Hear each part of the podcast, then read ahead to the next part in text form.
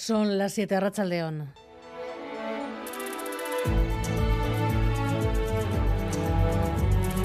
Gambara con Arancha García.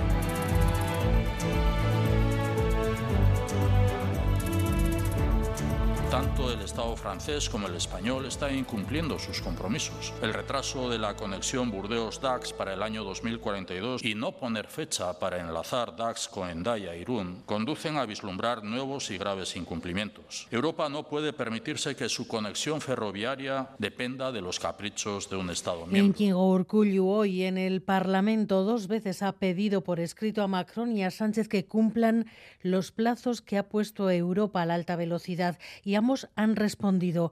Uno dice que España llegará a tiempo al enlace con Europa por Irún, pero Macron sigue evitando poner fechas.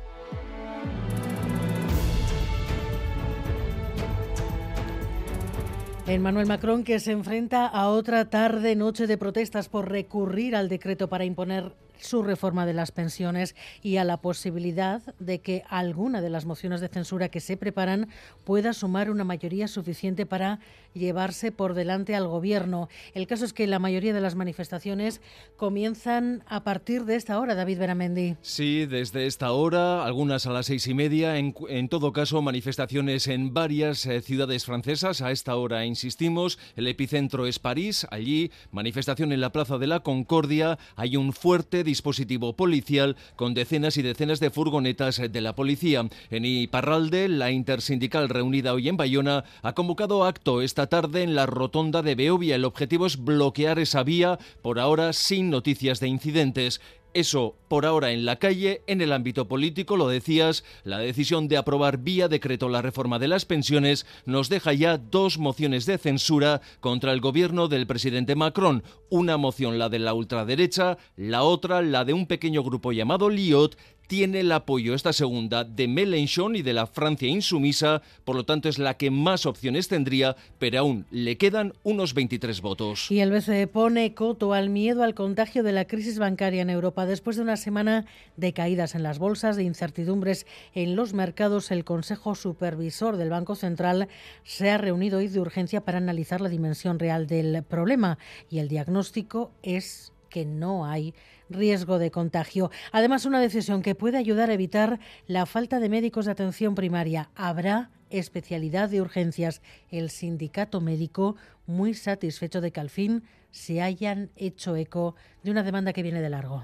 Venimos de otras especialidades. En concreto, en Euskadi, la mayoría venimos de la especialidad de medicina de familia y comunitaria. De esta forma, no habrá fugas, digamos, de otras especialidades. Quienes quieran trabajar en la urgencia o en la emergencia, ya tendrán su propia especialidad y la podrán elegir. Y la Corte Penal Internacional ha emitido una histórica orden de arresto contra Vladimir Putin por crímenes de guerra. Está acusado de deportar a Rusia a niños ucranianos de territorios ocupados desde que comenzó la invasión. De hecho, se han identificado el supuesto rapto de orfanatos de cientos de niños. Se exige la cooperación internacional para la ejecución de las órdenes y aunque es difícil que la orden pueda acabar ejecutándose, políticamente es un gesto de mucho calado. Según el jefe de la diplomacia europea, Josep Borrell, solo el principio, porque Putin acabará siendo juzgado. This International Criminal Court issue is just the start in the process of accountability Vamos con los deportes. Asier Careaga, Arrachaldeón. Arrachaldeón, en dos horas a las nueve, el Athletic visita al Valladolid con la obligación de ganar para reengancharse a las opciones europeas y evitar males mayores. La Real, por su parte, ha condenado los incidentes protagonizados ayer por presuntos aficionados realistas y de la Roma en los prolegómenos del partido y ha advertido que no admitirá como socios a quienes participaron en ellos. Y el seleccionador español, Luis de la Fuente, ha facilitado la primera lista, su primera lista de, convocados con siete jugadores vascos y una gran novedad, la de los asunistas David García.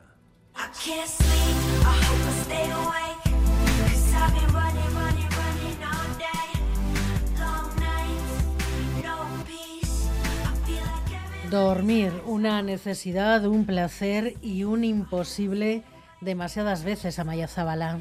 Sí, cada vez dormimos menos y peor, y es que la Sociedad Española de Neurología afirma que el 48% de los adultos y el 25% de la población infantil no tiene un sueño de calidad.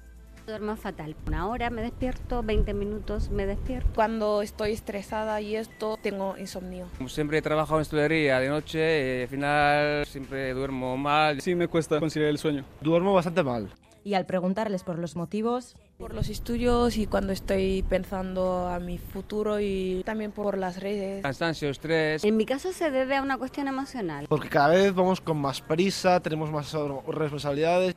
Los expertos advierten dormir mal puede acarrear graves consecuencias como falta de concentración, depresión, ansiedad y problemas de sobrepeso, entre otros, por lo que son muchos los que recurren a infusiones de hierbas naturales o medicamentos para conciliar el sueño. Pastillas para dormir o infusiones relajantes. La típica pastilla que te baja la intensidad de del biorritmo y tal, pero claro, eso no lo puedes usar durante mucho tiempo. Entonces lo que suelo hacer últimamente es me tomo un día así la pastilla para dormir, dos días, ¿no? Sí, tomo sobre todo en épocas de exámenes, de mucho estrés y demás. Sí, pero eran gotas de, de algo, de una planta, no sé. Y es que la demanda de pastillas para dormir ha aumentado un 32% en los últimos años en las farmacias. Desde la pandemia ha sido horroroso, sí. Y unos toman prescrito por el médico, pues orfidal y tal, y mucha gente quiere naturales, como melatoninas, plantas y así. Eso sí, aunque cada vez o menos, todavía hay quien duerme de maravilla. Duermo, duermo al tirón y encima de maravilla.